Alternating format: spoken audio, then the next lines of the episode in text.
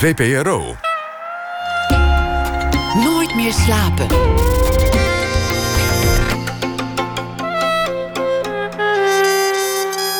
Met Atze de Vriezen. Goedenacht en uh, welkom bij Nooit meer slapen. In de podcast Lees Days hoort u straks meer over de Britse schrijfster Lenora Carrington. Haar verhalen gaan over haar eigen angsten en visioenen. Ze zijn soms zwaarmoedig, maar ook komisch en fantasierijk. Maar nu eerst mijn gast van vanavond. Een uh, jaar geleden alweer ontvouwde zich een koningsdrama in de Nederlandse acteurswereld. Job Goschalk, de almachtige casting director, werd beschuldigd van seksueel grensoverschrijdend gedrag en werd met pek en veren de theaterwereld uitgestuurd. Rick Launsbach, acteur en mijn gast van het komende uur, die zat rechtop in zijn stoel. Hij gooide zelfs het project waar hij op dat moment mee bezig was in de onderste la. Schreef in één ruk een nieuwe roman. Die heet Laat me liefde zien. Een verhaal over misbruik en machtspelletjes in een wereld die hij zelf maar al te goed kent. Zelf loopt hij namelijk al ruim 30 jaar in die wereld rond. In 1993 al won hij een gouden kalf voor zijn rol in de film Oeroeg. Hij stond op het toneel, hij speelde in tv-series. Maar een paar jaar geleden vond hij zichzelf opnieuw uit als schrijver. En ook toen had hij een uh, vliegende start. Zijn roman 1953 uit uh, 2009 werd een bestseller. En in hetzelfde jaar nog verscheen onder de titel De Storm een film. Waarvoor hij samen met zijn vrouw het uh, scenario schreef. Het is een dramatisch verhaal tegen de achtergrond van een van de grootste gebeurtenissen in de recente Nederlandse geschiedenis, de watersnoodramp in Zeeland. En na het Homerische epos De Deus Rex in twee delen is er nu dus een roman die snel voelt en die uh, de indruk geeft dat hij eruit moest. Was dat zo? Voelde het zo? Ja, ik uh, kan daar niks aan toevoegen. Helemaal juist. Want, want het is natuurlijk pas een jaar geleden en ik begrijp dat je het ook nog eerst even hebt laten sudderen voordat je dacht, ik moet hier iets over schrijven. Ja, nou, sudderen is niet het goede woord. Ik, uh, uh, dus zoals je al in je inleiding uh, aangaf, ik was eigenlijk bezig met een, uh, een ander project. Een grote historische roman. En daar was ik heel erg door gepreoccupeerd. En ehm, die hele MeToo-kwestie die kwam voorbij. En toen. Um, nou, als het dan bij een schrijver gaat, die, die zit dan in een soort tunnel. En een buitenwereld die bestaat eigenlijk niet zo, niet zo erg. Um, en toen werd het kerstvakantie. En toen uh, was het alsof ik een soort uh, weer wakker werd en uh, nieuws aanzette en zo. En toen dacht ik, nou, er toch een ravage zal er zijn aangericht in die film- en theatercontrijen. En toen was er eigenlijk niks gebeurd. Het bleek helemaal niet zo. Uh, de, heer, de heer Goschalk was van het toneel verdwenen. Ja. En daarmee was het eigenlijk. Zullen we even naar het nieuws van deze week? Want het gaat nu. Dit is iets wat zich ontwikkelt. Hm. Een historische roman, dat, is, dat staat dan, die ligt dan nog ergens in de la. Dat komt wel goed. Uh, de intimiteitscoördinator, dat is het nieuws van deze week. Uh, een vakbond van, van de filmwereld wil een intimiteitscoördinator op de set bij, uh, bij naaktscènes. Eigenlijk hetzelfde als een stuntcoördinator die kijkt of het allemaal wel veilig is.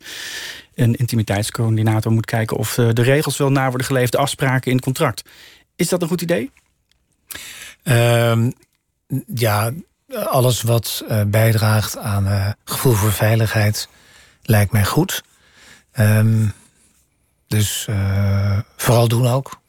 Maar de de probleem is, uh, waar we het over hebben, die bestaan uh, niet op de set. Daarvoor is het een, toch een, te, uh, ja, een omgeving waar te veel mensen rondlopen, van kabelshowers tot uh, focusspoelers en mensen die het, die beeldscherm moeten houden. Um, dus per definitie een plek waar getuigen zijn. Ja, en dan heb je natuurlijk, als er, als er echt een hele heftige bedscène is, dan, dan ga je de set dicht doen, zou ik maar zeggen. Dat is een closed set.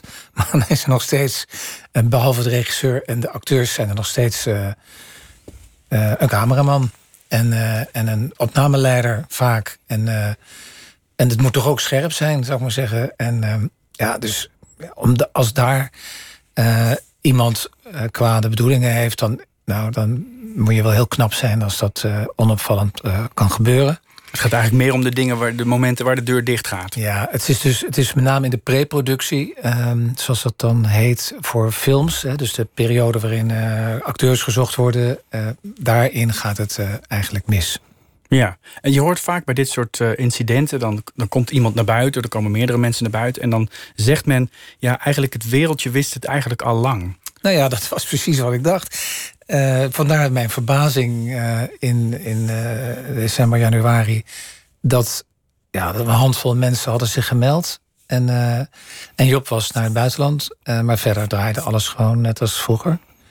En toen dacht ik van ja, maar dat, hoe, dat kan toch niet? Maar het was wel zo. Maar waarom verbaast het je? Want vaak gebeurt het ook wel zo, toch? Als in die, die, die machten veranderen niet per se. Nou, ik met, met stilte bedoel ik, waar ik door verbaasd was, uh, was de stilte van mensen die zich niet melden of anoniem hadden gemeld. En dat, dat verbaasde mij eigenlijk. Um, omdat ik, wist natuurlijk dat in Amerika een storm opgestoken. En actrices van naam en faam, uh, die, uh, die hadden zich met naam en toenaam gemeld. Um, er was een heel, het grootste productiekantoor in Hollywood was failliet. Ja. Uh, van de Weinstein, Weinstein Brothers. En, um, en ik dacht, nou ja, in Nederland gebeurt dat ook. Maar, de, maar dat gebeurde dus niet. Ben je er inmiddels achter waarom dat niet is gebeurd? Um, Want je bent met mensen gaan praten. Dus eigenlijk, wat ja. dat betreft heb je echt research gedaan in de vorm van interviews. Ja, ja. Um, ik weet niet zo goed waarom het hier niet. Uh, ja, ik denk dat het heel. Ja, we zijn natuurlijk een klein landje. En um, wat in Amerika. Kijk, in Amerika kun je natuurlijk ruzie hebben met iemand. Of je kunt uh, uh, boos zijn op Harvey Weinstein. Nou, en dan zijn er nog honderd andere producenten. Dus ook als, als Harvey niet failliet was gegaan. en heel boos op je was geworden omdat je hem beschuldigd had van uh, seksueel grensoverschrijdend gedrag, dan had je naar 99 andere producenten kunnen stappen die je dan misschien werk hadden kunnen aanbieden. Maar in Nederland is dat um, ja, heel, heel klein en beperkt. En uh, er zijn pakweg een dozijn belangrijke producenten. En die werken allemaal met dezelfde casting directors. Dus als je met een van die mensen ruzie hebt uit dat clubje uh, ja, dan kun je het wel vergeten. En die casting directors zijn dus eigenlijk een soort van bottleneck. Meer nog misschien dan die producenten. Uh, ja. Maar dat, uh, producenten hebben ook in die zin, denk ik, een verantwoordelijkheid. Omdat zij, zij beslissen in die preproductie, in het voorstuk van, van een film... beslissen zij naar wie ze toe gaan om de selectie ter hand te nemen, zou ik maar zeggen. En dat kunnen zij kiezen. En... Um, en dat is verder prima uh, als het een vrije markt zou zijn. Hè? Als, er, als er wat te kiezen is. Maar er is niet zoveel te kiezen. En dus dat maakt dat het een, uh, een hele kleine wereld is. En dan snap ik uh, ook waarom zo weinig mensen zich hebben durven te melden. Dan kun je van alles, allerlei dingen doen. Je kunt je uitspreken, je kunt een pamflet ondertekenen... je kunt iets met een vakbond doen. Waarom dacht jij, dit moet een roman worden? Nou ja, omdat het natuurlijk een fantastische arena is. En uh, die, die want ja, we gaan maar even na. Het gaat over angst.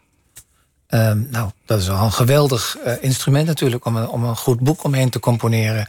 En dan gaat het over mensen die heel graag iets willen. Ze willen namelijk werk en ze willen, ja, ze willen acteren en ze willen, nou, maar dat gaat niet. Dus frustratie. En uh, dan zijn er mensen die. Daar kun je wat mee als romanschrijver. Daar kun je wat mee, natuurlijk. En ehm, het is een hele spannende en opwindende uh, wereld. Uh, en aan de andere kant van de, van de lijn zitten de producenten en de casting directors. En die willen ook wat.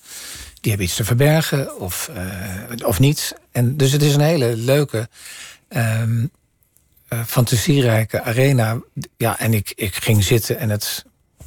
Wow, het ging gewoon de ene pagina naar de andere. Ja, je moest wat dat betreft, je kon ook uit je eigen verleden putten natuurlijk. Want je hebt zelf nou, heel veel liefde in dit boek heb je gestoken in het beschrijven van dat traject naar die toneelschool toe. Hè? De, de, toelatingsexamens en de periode dat je in een soort van testfase zit en je beproefd wordt. Je hebt dat vier keer moeten doen. Je bent vier keer afgewezen voor de toneelschool. Um, ja, dat traject ken je misschien minstens net zo goed, misschien wel beter dan de toneelschool zelf. Wat is dat voor een tijd, die, die, die toelatingsperiode, waarin je, je moet daar doorheen komen? Ja, het is, kijk, uh, een goed boek um, gaat in op de millimeters, maar uh, het is, alles is een metafoor natuurlijk. Hè? Dat was het. Dus ik hoop dat ik daar een beetje in geslaagd ben. Voor mij is die, is die uh, toelatingsprocedure voor een theaterschool, en dat was 40 jaar geleden iets anders dan het nu is, zou ik maar zeggen. Maar de, de, de, de verhoudingen zijn min of meer ongewijzigd. Er zijn heel veel mensen die willen. En een heel klein clubje wat dan toegelaten wordt. Dus dat is nog een beetje hetzelfde. Uh, verder zijn de procedures wel veranderd. Mm, wat daar interessant aan is, is dat um, uh, bij een goed verhaal is een hoofdpersoon uh, nodig die obstakels overwint. He, dat, dat kun je in elk handboek lezen. En um, nou, dat, iemand die naar de theaterschool wil, die moet heel veel obstakels overwinnen. Niet alleen praktisch gezien, om, om de concurrentie, zich te onderscheiden van de concurrentie van je collega's en te blijven presteren. Maar je moet ook in jezelf een aantal dingen oplossen, zou ik maar zeggen, om um, toegelaten te kunnen worden tot die theaterschool. Want die docenten die daar in die vooropleiding of in die audities naar je kijken, die, die, die hebben veel mensenkennis en die zien bijvoorbeeld dat je gesloten bent of uh, een trucje uh, speelt of een façade optrekt of niet on, onecht bent, zou ik maar zeggen.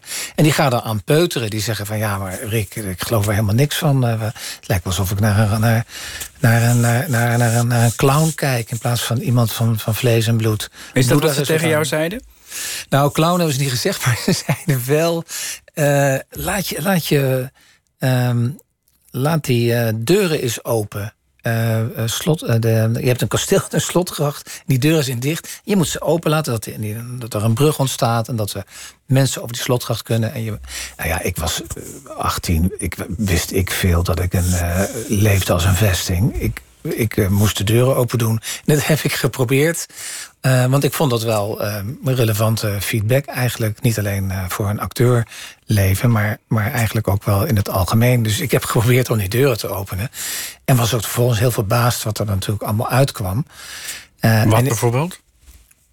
verdriet, boosheid, woede. Um, onzekerheid. Nou ja, jongen van 18, uh, vul maar in.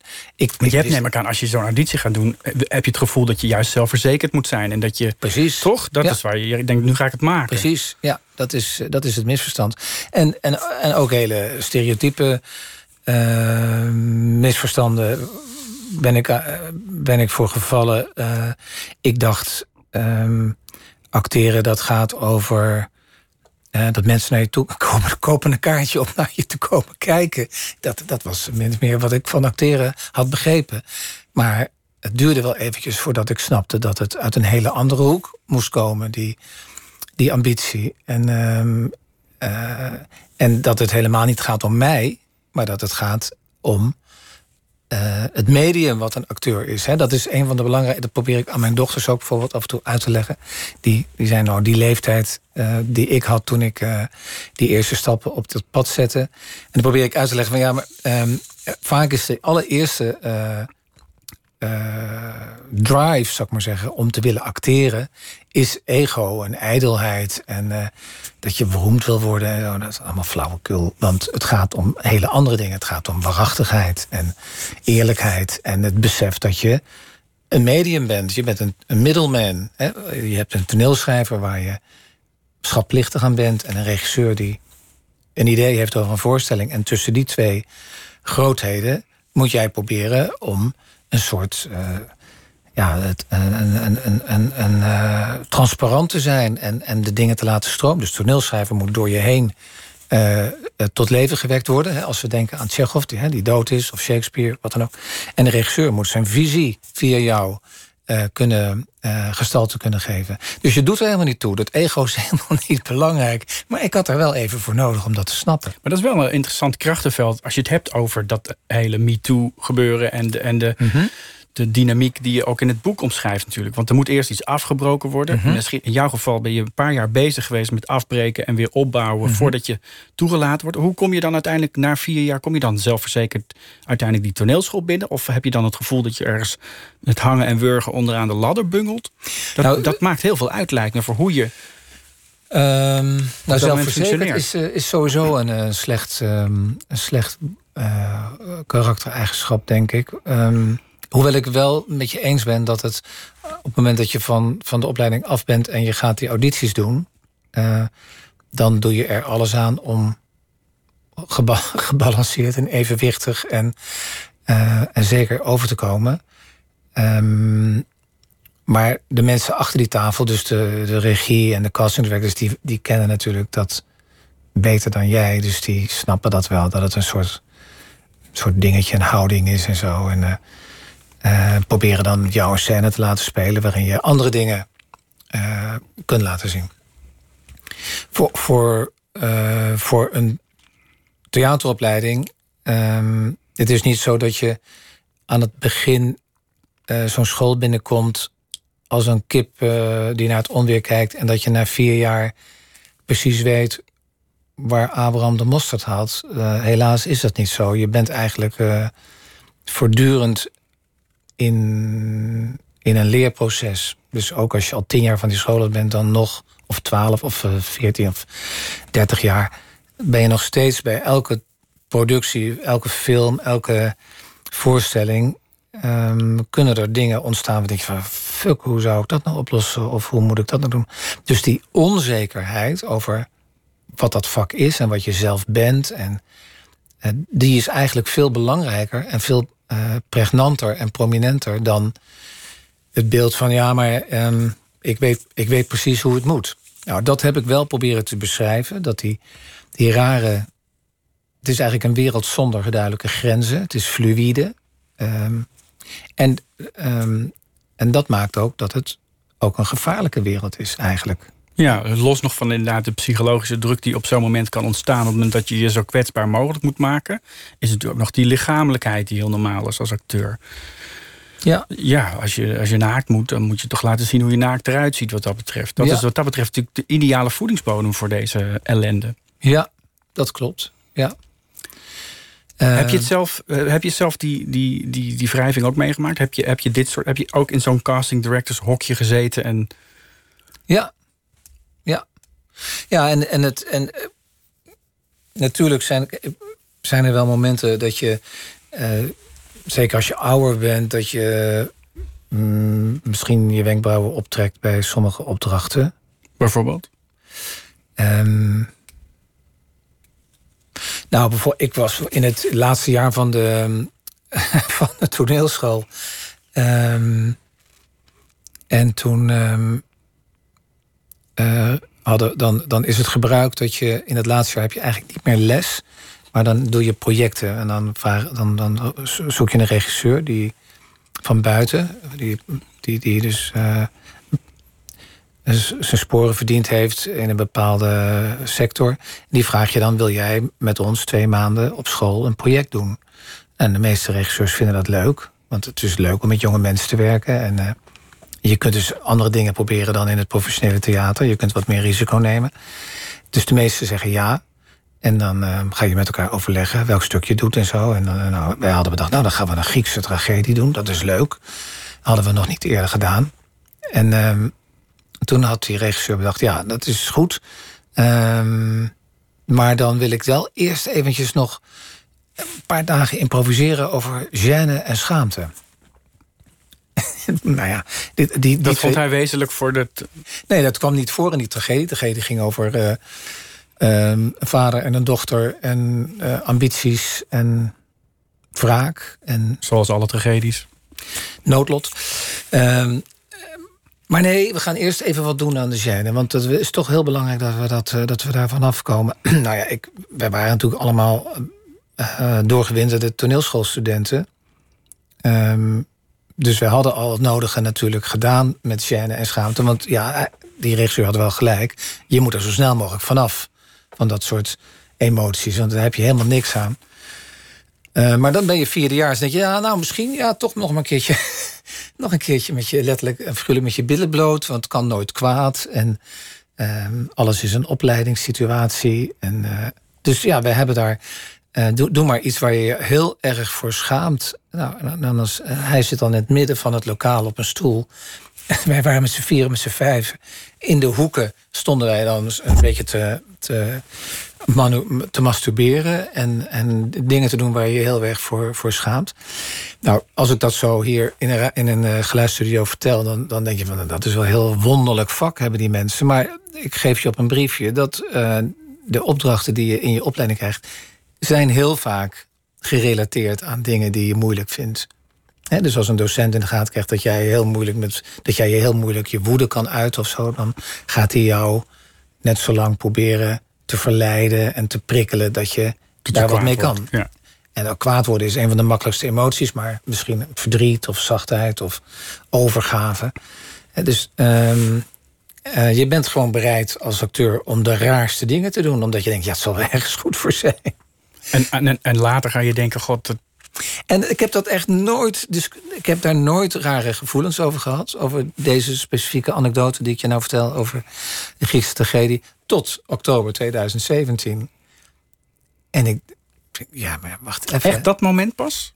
Ja, Pas toen het echt op tafel lag en men zei van ja, dit, dit, dit is jarenlang te ver gegaan, dacht jij, ja, dat is ook eigenlijk zo. ja.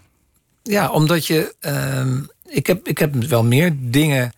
Afgezien van die, van die repetities eh, rond die tragedie. Ik heb wel meer dingen gedaan die.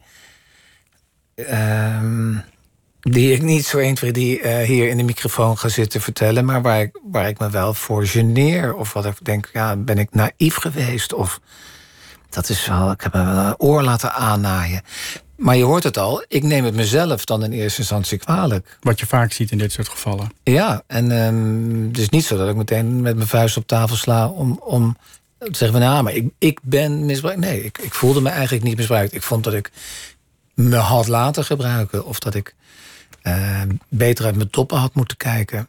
En, en die omslag van ja, maar wacht even, het is. Het is ja, natuurlijk in dit vak is- moet je heel veel dingen kunnen en willen en bereid zijn om los te laten. Maar het is, het is niet grenzeloos. Er zijn wel grenzen. En daar had ik toch wel die, eh, die omwenteling van, van in Amerika voor nodig om dat te snappen. Ja, En dan ben ik toch, hè, ben ik toch. best snel eigenlijk, want dan is het drie maanden later is er bij wijze van spreken een boek. Nou, nee, niet drie, maar een half jaar later Oh, ja. is er dan een boek. Zo snel gaat het niet. Maar Maar ik kan me voorstellen dat je over je vorige romans langer hebt gedaan. Ja, absoluut. Nee, maar dat komt ook omdat, wat ik je zei, eh, die arena is heel dwingend en spannend en grappig ook. En, Het is ook eh, iets waar je bij wilt horen. Sorry? Het is iets waar je bij wilt horen ook. Als die lezer? aantrekking- die als, eh, aantrekkingskracht. Nou, nou, voor mensen die daar bij die wereld willen horen, heeft het een enorme aantrekkingskracht. ja, ja, Ja. Meer dan als je bij wijze van spreken elektricien wil worden. Of dat is vaak iets wat je gewoon doet. Dit is een soort missie, een soort levensvervulling. ja, Ja. ja. ja. Eh, Je roman is, het is, een, het is een liefdesverhaal ook. Het is, een, het is een verhaal over angst en over alles wat je net zei. Ehm, maar wat mij nog wel erg opviel is dat... Nou, ja, we mogen er geen sleutelroman noemen van je. Maar we hebben wel een karakter, een hoofdpersoon, Reuben... die eh, eruit ziet een beetje kalend en een rond brilletje. Dan, dan zien we meteen die goschalk, goschalk voor ons. Er zijn ook heel veel acteurs die voornamen hebben... die ons erg bekend voorkomen. Carice, Rutger, et cetera. Ehm, was dat toch belangrijk om het zo dicht bij de realiteit te houden? Want het is daarmee, ja, het voelt wel echt heel erg duidelijk als nou, bij- bijna een afrekening eigenlijk. Ja, maar dat is het niet. Want dan had ik het wel de afrekening genoemd. En dan had ik ook iedereen mijn naam en toenaam genoemd. En ehm, dat heb ik expres niet gedaan. Nee, de, de, het is zeker. Ik ben, niet, ik ben niet boos en ik ben ook niet rankeneus. Hè, dat blijkt al uit ehm, die anekdotes die ik dan ehm, eh, met enige humor vertel van, eh, van mijn opleiding. Ik, heb, ben, ben, ik hoef met niemand iets te verrekenen. Ik wilde gewoon een, een verhaal schrijven uit, ja, uit verbazing. Omdat ik niet, aanvankelijk niet snapte waarom het zo stil bleef. Ik ben me gaan verdiepen. Ik ben met mensen gaan praten. En de roman die ontstond. ehm, ja, de, de, de hoofdfiguren die heb ik eh, fictieve namen gegeven en ook fictieve levens gegeven. En natuurlijk zitten er in die levens een paar eh, herkenningspunten of een paar overeenkomsten met mensen die, die, die, dat, eh, die zich daarin zou, zouden kunnen herkennen.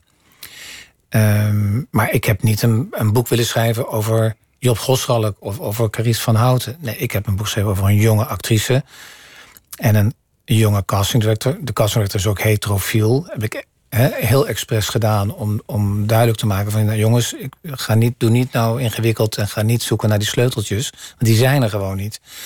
Ehm, Dus ik heb een, dat, dat, dat verzonnen verhaal, dat is ingebed in de realiteit. Ehm, maar ja, uh, die realiteit die, die kan je niet veranderen. Want um, ja, 1973, uh, Paul Verhoeven maakt Turks fruit. Ik kan daar niet iets anders van maken, want dan snap jij niet wat ik bedoel. Want het moest wat dat betreft wel echt verwijzen naar de Nederlandse situatie. Ja, want het boek speelt zich voor een deel af in Amsterdam. En, en in, uh, in, een deel in Zwarte Woud en een deel in Amerika. En um, dat hebben veel meer uh, schrijvers natuurlijk. Die een, een roman situeren in een, een fictieve roman situeren in een bestaande wereld. Ja, uh, Amsterdam is toch Amsterdam. Je kunt daar geen. Ja, je kunt daar wel. Die acteurs lopen niet in een ander café. Ja, dat kan wel, maar dan, dan ben je je referentie kwijt. En uh, ik wil, ik, ja, net als nou, mijn, mijn debuutroman over de watersnoodramp. Um, dat was ook een fictief verhaal. Uh, en nou, ik heb er eigenlijk, zou kunnen zeggen, ik heb me aan de historie gehouden. Maar ik heb wel de vrijheid gehad om dorpen op een ander eiland te leggen. Uh, de, de gebeurtenissen in, in plaatsje A heb ik naar plaatsje B uh, verplaatst en vice versa. Um, ik heb me mensen dood laten gaan die zijn blijven leven en andersom. En dat kan allemaal. Um, maar toch uh, is de historische context juist. Um, dus je kunt als uh, lezer heb je houvast en snap je wat de arena is. En dat moest ik hier ook doen. Ik, ik, ik moest. Uh, ik heb nog even over getwijfeld of ik mensen als, als Rutger. Uh, Hauer en, en Monique van der Ven uh, andere namen schreven. Ik dacht van ja, dat wordt dan zo geforceerd. dat, dat snapt niemand meer. Ja, ze hebben alleen voornamen. Dat is, dat maar is het compromis. Wel, ja, ze compromis. Ze hebben alleen voornamen. Ja, ja maar in een reeks bij elkaar spreken die voornamen natuurlijk inderdaad het boek ja, delen. Ja. ja wat en nou wat duidelijk is, is dat die, die hoofdpersoon van je een ontzettende vervelende man geworden is. Een, een onuitstaanbare drammer. Dat is ook een beetje zijn reactie op zijn ja? onzekerheid. Ja, dat, dat is wel hoe hij zich manifesteert. En mensen worden ook een beetje bang van hem. Ik kan me ook voorstellen dat je dat soort reacties ook in, het, in die wereld wel veel ziet. Op mensen, juist op die onzekerheid, dat die gecounterd wordt door een enorme bravoure die, uh, die ook wel doorslaat. En, en, en in jouw geval, in het geval van dit boek, ook een soort enge twist krijgt. Um, ja, nou, enge twisten zijn altijd goed, hè? In een Sowieso. Boek. Ja, dus daar, daar, daar, moeten we vooral op door. Um, maar er zitten. Um, ik heb wel geprobeerd om. De, een van die hoofdpersonen doet natuurlijk hele uh, rare en soms ook wel discutabele dingen. Maar ik heb toch geprobeerd om. Ja, ik heb toch mijn best gedaan om het te snappen. Uh, en ook het zo, zo op te schrijven dat de lezer het zou kunnen snappen. Een wedervraag aan jou zou zijn: begrijp jij waarom iemand als deze hoofdpersoon uh, die, die dingen doet? Nou, er zit uh, ja. Wat ik al zeg, het is misschien een, een verklaarbare reactie op een enorme onzekerheid en ook een soort knakken van een ego, wat eigenlijk heel doelbewust gebeurt door theater of door, door de mensen van de academie, door mensen die soort privéles geven en die je eigenlijk zo laagje voor laagje afpellen mm -hmm. tot, je, tot er voor je eigen gevoel eigenlijk niks meer overblijft om trots op te zijn. Mm -hmm. En dan ga je misschien wel, uh, nou ja, de hoofdpersoon kiest natuurlijk een ander pad uiteindelijk. Mm -hmm. En daar kan hij zich juist extreem zelfverzekerd voelen. Ja. En dat, daar ga je natuurlijk ook spiegelen aan mensen die dat ook doen. En dat is natuurlijk waar het vaak ook misgaat, lijkt Ja. me. Het, het spiegelgedrag ten opzichte van mensen die de toon zetten, die de regels bepalen. En die, van wie je niet zegt dat dat eigenlijk niet kan.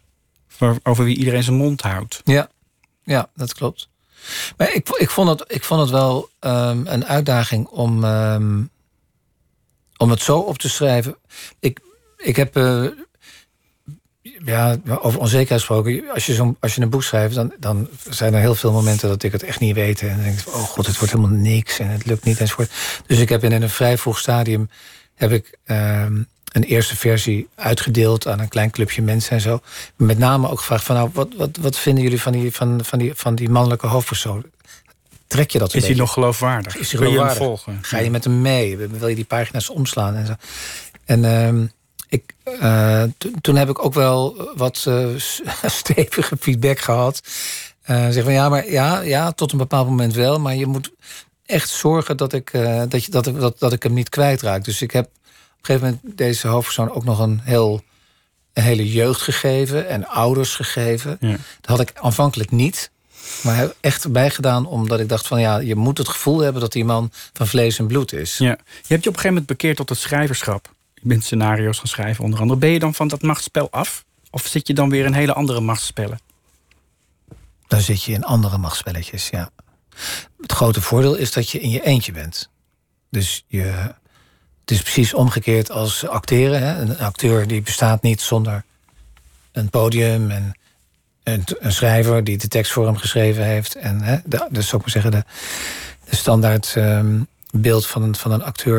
Je hebt natuurlijk mensen die hun eigen solo's schrijven. En, en daarmee uh, theater in gaan. Maar dat zijn dan bijna al halve cabaretiers. Maar de echte, nou ja, de, de acteur zoals die. Um, uh, zoals we hem kennen, die, die heeft een schrijver nodig en een regisseur en collega's. En als je die niet hebt, ja, dan, dan, dan kan je ook niet laten zien dat je een acteur bent. Het is net alsof je een voetballer bent, maar je mag het veld niet op. En het, het grote voordeel van, van een auteur is dat je altijd het veld op mag. En uh, altijd goals mag maken. En er is niemand die je tegenhoudt. En dat is heerlijk. Um, een beetje eenzaam soms, maar het is wel um, past veel beter bij me dan. Voelde dat als een ontsnapping? Als een ontsnapping. Ja, misschien wel, ja. ja. We, gaan er even uit. We gaan naar het nieuws. We gaan zo uh, verder praten. Oké. Okay.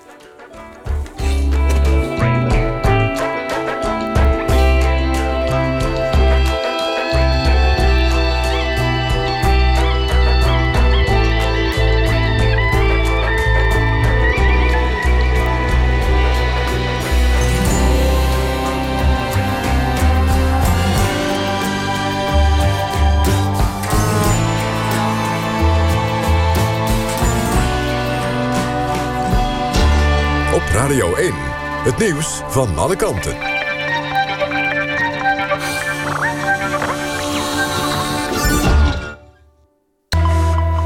1 uur, Christian Bonenbakker met het NOS Journaal. Columnist Dirk-Jan Epping wordt lijsttrekker van Forum voor Democratie... bij de verkiezingen voor het Europees Parlement. Hij stopt daarom per direct met zijn column in de Volkskrant. De 60-jarige Epping zat al eerder in het Europees Parlement. Dat was van 2009 tot 2014 voor de eurosceptische Belgische partij Lijst de Dekker. Eerder werkte Epping voor eurocommissaris Bolkestein, onder meer als speechschrijver. De leden van Forum voor Democratie moeten de voordracht van Epping als lijsttrekker nog wel goedkeuren. De Friesen die zijn veroordeeld voor het blokkeren van de A7 willen in hoger beroep gaan. Afgelopen middag werden 34 activisten veroordeeld... omdat ze vorig jaar anti-Zwarte Piet-demonstranten tegenhielden. De rechtbank legde de meeste van hen een taakstraf van 120 uur op. Het boegbeeld van de actie, Jenny Douwes, kreeg 240 uur... en een voorwaardelijke celstraf van een maand. De vonnissen kwamen hard aan, zeggen ze. In Jordanië zijn zeker acht mensen om het leven gekomen... door overstromingen en aardverschuivingen na hevige regenval. In de historische stad Petra moesten duizenden mensen worden geëvacueerd, onder wie veel toeristen. Ook in andere delen van het land moesten mensen hun huis verlaten vanwege het water. Naast acht doden zijn er zeker 24 gewonden. Twee weken geleden vielen door hevige regenval bij de Dode Zee in Jordanië al 21 doden. Twee Jordaanse ministers stapten sindsdien op na felle kritiek op de hulpverlening. In Enschede is een trailer gevonden met een grote hoeveelheid grondstoffen om synthetische drugs te maken. De politie kreeg woensdag een melding van een verdachte trailer op een industrieterrein. In de aanhanger werd 14.000 liter grondstof gevonden. Het is onduidelijk wie de eigenaar is. De politie zoekt getuigen. Het weer. In de loop van de nacht gaat het op veel plaatsen regenen. Minima rond 9 graden. Ook overdag regenachtig met vooral aan de kust veel wind. Smiddags is het soms wat langer droog. En dan is het een graad of 12. Dit was het NOS Journaal. NPO Radio 1. VPRO. Nooit meer slapen.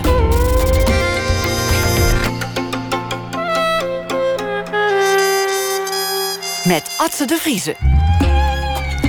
Welkom uh, terug bij Nooit meer slapen. Tegenover mij zit nog steeds uh, schrijver Rick Launsbach. Hij schreef het boek Laat me liefde zien. Uh, voor het nieuws hebben we het gehad over dat boek. Dat gaat over de MeToo-affaire in de acteurswereld. Uh, over Job Goschalk en al dan niet uh, de fictieve realiteit die hij daarvan maakte. Ehm, Rick, je hebt meer gemaakt, je hebt films gemaakt, je hebt meer boeken geschreven. wat mij opvalt, je, je kiest in je werk heel graag voor grootse decors.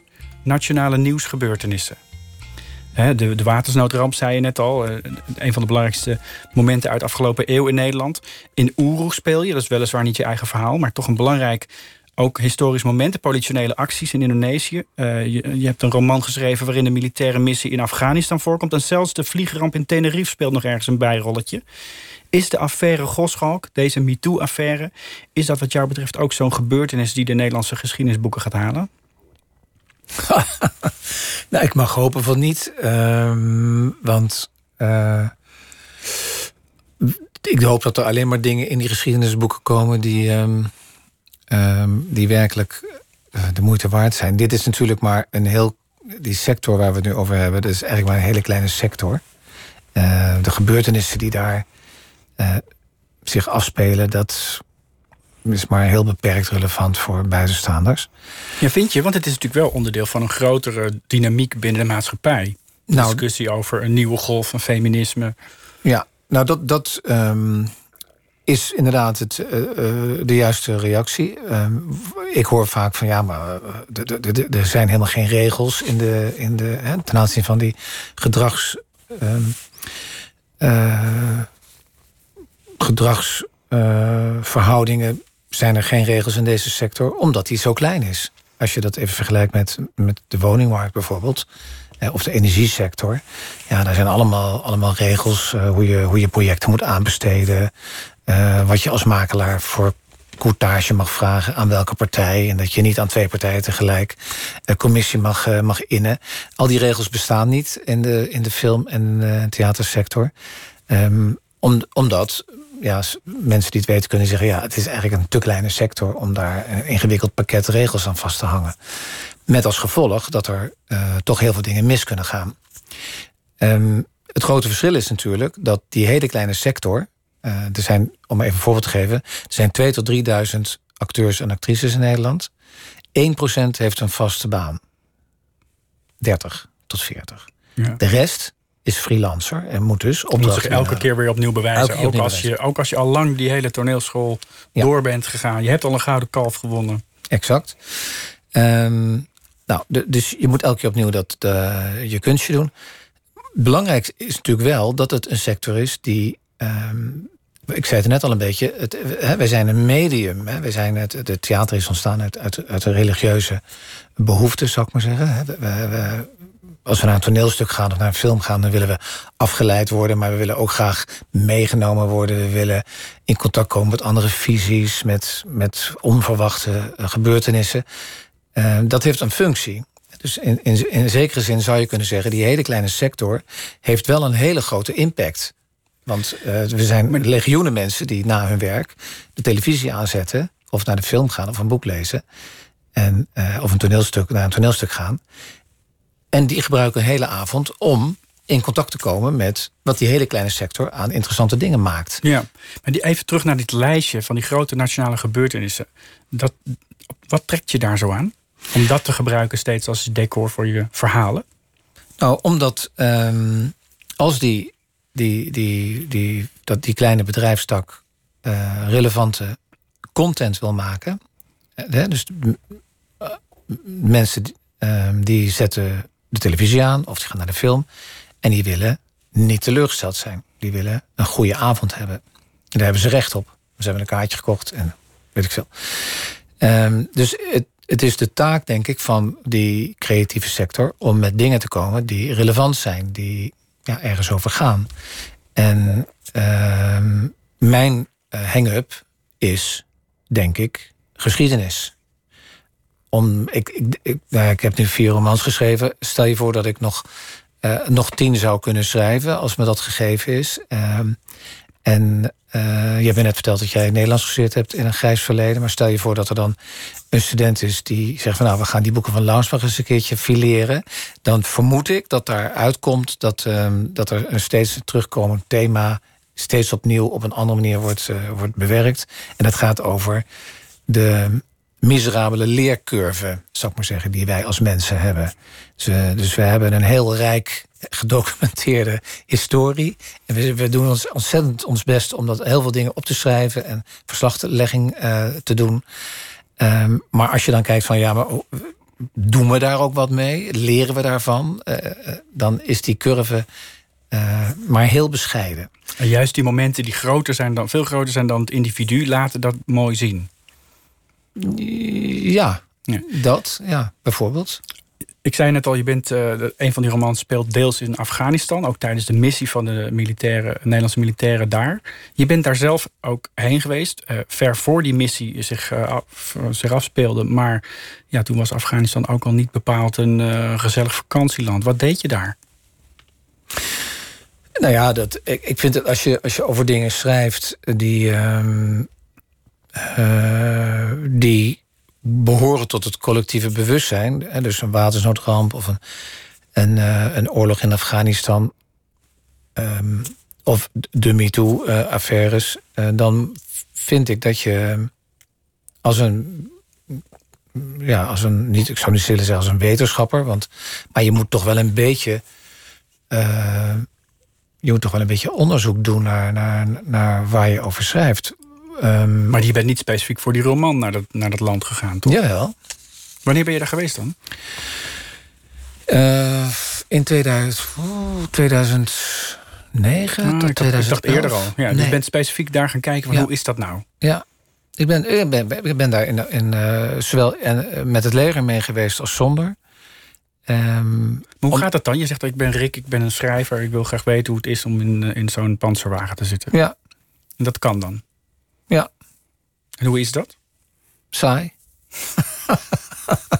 ja, want dat is alweer het nadeel. Want ze, je bent natuurlijk geen militair. En dus ze gaan heel erg hun best doen om te zorgen dat je, uh, dat je niet uh, omvergeschoten wordt. Dus uh, je, je, moet ook, als je buiten, de, buiten de, tent komt, dan moet je al meteen een kogel weer in het vest staan. En ze doen heel erg een Maar. Um, dus ik, op een gegeven moment had ik dat wel gehad. En toen ben ik nog een tijdje in mijn eentje daar geweest.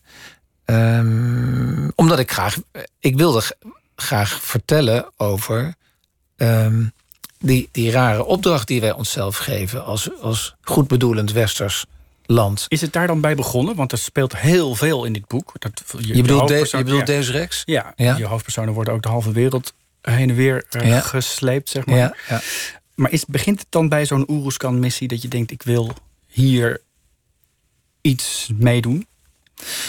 Um, ja, nou ja, het begint dus bij het vermoeden dat, er, uh, dat we geschiedenis aan het maken zijn en dat we er niet van leren. Met dat vermoeden begint het. En uh, zo'n zo'n buitenlandse missie is natuurlijk ideaal daarvoor, want ja, je hoeft echt niet uh, een historicus te zijn om te snappen en aan te voelen dat, daar, dat we daar iets doen wat schuurt. Wat, wat, wat, en hoe dichter je erop zit, hoe zinlozer het voelt. In elk geval, dat is jouw indruk kennelijk. Um, nou, nee, hoe dichter je erop zit, hoe belangwekkender het wordt, vind ik. Want terwijl ik daar was, raakte ik wel ervan overtuigd dat op zich de, die missie goed was. En heel veel mensen zeggen: ja, waarom zou je in godsnaam uh, naar een ander land gaan om, om daar een. Uh, uh, in te grijpen in politieke en culturele verschuivingen. Wie zijn wij wel en waar komt die hoofdwaardij vandaan dat we dat willen doen? Maar als je er bent, dan, um, en dan ben ik er echt niet lang geweest, maar dan zie je uh, uh, wel degelijk de meerwaarde die wij daar zouden kunnen brengen. Uh, we maken alleen voortdurend fouten en de mensen die daar het voor het zeggen hebben of in de bestuurlijke laag, die maken misschien nog wat de grootste fouten. Dus de jongens op de grond, waar ik dan in een tent lag, zou ik maar zeggen, die, die zijn, dat zijn prima gasten. Die, die zeggen van ja, ik, ik, uh, we willen gewoon zorgen dat, dat, dat, die, dat die vrouwen hier naar, gewoon naar school kunnen. En dat mogen ze niet. Uh, dus wij, wij, wij gaan de mensen die dat, die dat onderwijs verbieden, die gaan we isoleren. Die moeten maar veilig in dat dorp blijven. Maar vrouwen die in dat dorp gaan, die mogen naar school. En dan gaan we ervoor zorgen dat dat veilig kan. Nou, vind ik een hele duidelijke, heldere opdracht. Die vrouwen vinden dat fantastisch. Uh, en je hebt het gevoel dat je iets goeds doet. Maar ja, het probleem is natuurlijk, en daar, daar gaat Deus Rex over, dat we dat niet. We, we, we doen het een beetje, maar we doen het niet over de hele linie. En een ander probleem is, dat benoem je ook in die romans heel duidelijk, is dat hoe hoger je in de hiërarchie terechtkomt, hoe vager het verhaal wordt. Ja, dat is, dat is ook zo. Dat is de politiek natuurlijk die Ja. erachter schuilt. Ja, Die ver staat van het concrete ontmantelen van een bermbom en het laten zorgen dat een meisje naar school kan. ja, ja. Hoe hoger je in de, in de keten komt, hoe, hoe eh, onduidelijker je gaat praten eigenlijk. Hoe meer wol er in de mond. Ja, dit is er geen uitdrukking. eh, wol in je mond. eh, Ik begrijp wat je bedoelt. hoe heet dat ook maar- weer? Dat is een spreekwoord voor. Ja, klinkt in elk geval wolliger daarboven. Mos, mos in je mond? Ja. Eh, maar in ieder geval, de, de, ehm, eh, dat, de- dan worden je zinnen omvloerster. En, ehm, en eh, ja, nou, je ziet het al. eh, je ziet het in de politiek en in de debatten van de Tweede Kamer. Dat, dat gaat over hele andere dingen dan over de dingen waar het over gaan moet. Ja, daar lopen alle personages zich uiteindelijk natuurlijk ook op stuk. Ja. Ja. Er zit nog een andere rode draad in die verhalen. Niet alleen die grootste nationale gebeurtenissen, maar ook eh, juist meer dingen op het persoonlijk vlak van die personages. En dat zijn met name de vaders. Er zijn heel veel verschillende soorten vaders. Er zijn fundamentalistische christenen. Er zijn eh, eh, onuitstaanbare eh, vaders die alleen maar over zichzelf kunnen praten.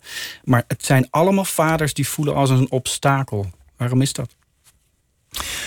Omdat vaders natuurlijk vaak obstakels zijn, denk ik. Ehm, Is dat zo? nou, ja, ik denk het. Moeders trouwens ook hoor.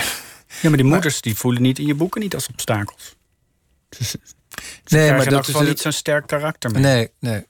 Nee, dat klopt. Maar ja, weet je, dat, ehm, een van de eerste ehm, zinnen die in, in elk handboek staan over schrijven, eh, daar staat: eh, schrijf over de dingen die je kent.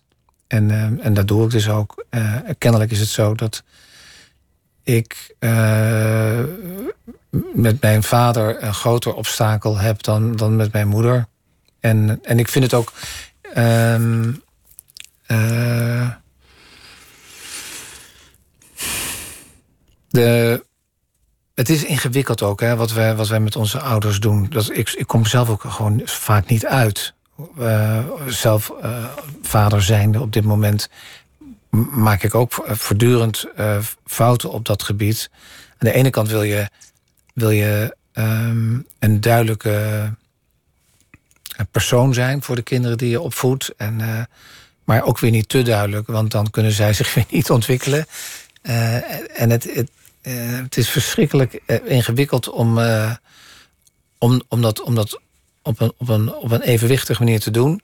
En ik, ik verzucht wel eens, wat jammer dat we geen, ehm, geen, geen opleiding hebben op dat gebied. Dat we allemaal autodidacten zijn als ouders. En ehm, ehm, vallen en opstaan. En die kinderen die vallen met ons. En ehm, die, ja, dat, dat ontstaat dan vaak eh, ongewild schade. En die schade moet dan weer gerepareerd worden als die kinderen ouder worden. En dan, eh, of, ze, of ze willen het niet repareren en ze zijn boos en ze verbreken het contact. Het, het is een hele. ehm, als ik geschiedenis zou kunnen herschrijven. als me dat gegund zou zijn. Je eigen geschiedenis bedoel je? Nee, ik, eh, ik, ik bedoel, als ik ehm, zou. Ja, goed, mijn mijn eigen geschiedenis, laten we dat als voorbeeld nemen. Dan, dan, dan had ik tegen mijn ouders gezegd: ga nou maar eerst eens een half jaar een cursus doen en ga dan mij opvoeden. Dat had ik gezegd. En ehm, Maar wat voor die manier was je vader dan een obstakel? Hij ging weg. Nou, omdat hij. ehm, eh, een van, hij maakte een van de grootste blunders die je als ouder kan doen. En dat is eh, dat je ego belangrijker is dan, dan ehm, de kinderen waar je voor, eh, voor gekozen hebt. En dat, dat kan je wel af en toe doen natuurlijk. Soms is het niet anders. Maar als je dat, als je dat on the long run maar consequent vol blijft houden. Ja, dan, dan, eh, dan gaat zoiets natuurlijk fout. En dan, eh, dan heb je een, eh, een eh, problematische jeugd, zou ik maar even zeggen. Als ik het mag samenvatten. En toen je bij die acteursopleiding aankwam, zat daar die woede ook? Ja, voor een deel wel. Ehm, Je bent naar de kostschool gestuurd, hè? Dat Ja. kunnen wij ons nu eigenlijk nauwelijks meer voor. Ik kan me voorstellen dat ouders dat vroeger eh, deden met de beste bedoelingen. Maar nou, van mijn generatie kent het woord kostschool alleen maar als een soort voorportaal van de hel en een soort van ultieme uh, afschuifactie van ouders. Mhm. Ja. heb jij dat ook zo ervaren? Ja, wel een beetje, ja. Ja, ik wil helemaal niet nu. ehm, kijk, ik, ik, ik vind. Als je het hebt over geschiedenis hè, en, en wat we ervan leren ik, ik, wil, ik ben heel erg alert op, op het mechanisme dat je uh, ergens problemen mee hebt. Um, bijvoorbeeld, uh, we hadden het er net over um, overgave. Hè? Je kan je niet overgeven. En je hebt, een, je hebt een, vriendin of een vriend en die zegt: Ja, ik vind je hartstikke leuk. maar je kan je niet overgeven. En dat moet wel gebeuren, want anders dan haak ik af. Nou, dan, dat is een duidelijk signaal. Dan ga je daar wat aan doen. En dan ga je proberen om, om die relatie te redden. Um, ik heb dat soort mensen uh, niet in mijn omgeving gehad toen ik jong was. Uh, ik, sterker nog, uh, ik ben een kind van de jaren zestig, zou ik maar zeggen. Um, vrijheid, blijheid. en mijn vader, die um, raakte in contact met die, met die flower power beweging, zou ik maar zeggen. En die, die raakte er echt van doordrongen dat het leven waar hij tot dan toe voor gekozen had, dat het veel te burgerlijk was. Met een vrouw en een gezin en een baan en enzovoort. Een auto voor de deur. En hij wilde daar rukzichtloos van af. Heeft dat vrij hard uh, doorgeknipt, dat bestaan. Uh, met, het, met als gevolg dat hij een heel leuk, interessant nieuw leven kreeg. Maar dat gezin, dat, ja, dat zat nog steeds eh, op datzelfde spoortje. En die kon niet zomaar met hem mee. Want dan moest er naar school en er moest geld verdiend worden en, enzovoort. Dus um, uh, wat hij zichzelf heeft toegestaan, dat, uh, daar hebben wij een bepaalde prijs voor betaald. Maar ik vind het ook weer niet oké om dan, als je volwassen bent, zeggen van ja, ik ben ongelukkig en ik, en ik, ik kan mezelf niet overgeven. En dat is de schuld van mijn vader. Want nee, dat is mijn schuld. Dat moet ik oplossen. En ik heb, ik kan wel aangeven van nou dat ik heb wat obstakels en wat, wat setbacks gehad, omdat mijn vader die en die keuzes heeft gemaakt. Maar ik moet het gewoon wel zelf oplossen. Ik, ik schiet er helemaal niks mee op om te wijzen naar iemand die, uh, die er al niet meer is, die vertrokken is. Zeg ja, het is, dat is de schuld van hem. Daar schieten we helemaal niks mee op. Um, dus die sublimatie van jeugdtrauma's, uh, daar ben ik helemaal geen voorstander van.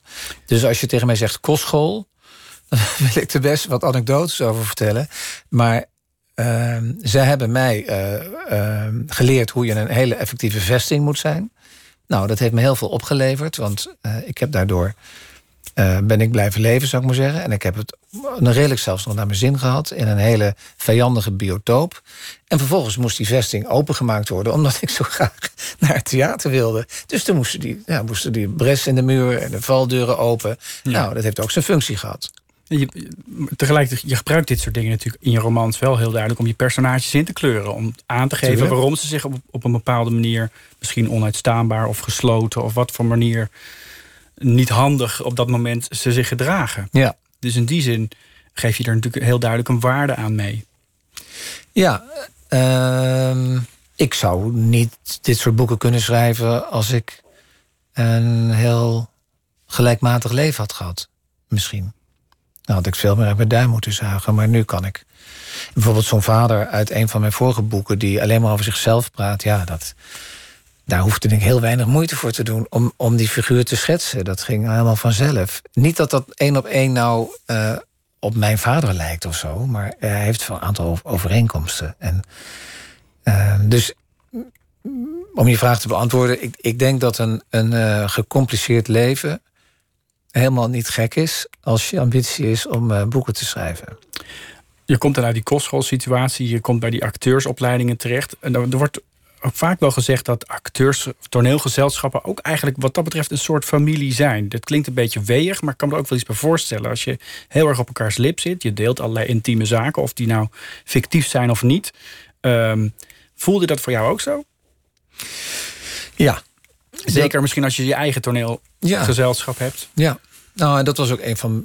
Ik ben eigenlijk um, uh, een enorme uh, onverbeterlijke romanticus ik, ik ben altijd um, uit op uh, vrienden maken, gezellig en familie en loyaal enzovoort. Um, en ja, mijn, mijn belangrijkste ambitie om uh, die gezelschappen te beginnen, of, of, daaraan mee te doen, uh, had echt wel te maken met mijn ver, verlangen om onderdeel te zijn van een familie. Ja, om eventjes terug te gaan op, op het vorige stukje, dat is natuurlijk heel voorstelbaar. Als je een, uit een gebroken gezin komt of zo, dan wil je natuurlijk heel graag in je werk dat repareren en een soort familie creëren. Dat was één reden. Andere reden is, als ik heel eerlijk ben, toch ook een beetje wel uh, dat ik bang was om door de man te vallen. En uh, dat ik dacht van nou, ik kan beter uh, gewoon mijn eigen gezelschap oprichten. Dan, dan heb ik geen werkgever. Dan ben ik mijn eigen werkgever. En dan kan niemand me ontslaan als ik slecht ben of als ik teleurstel.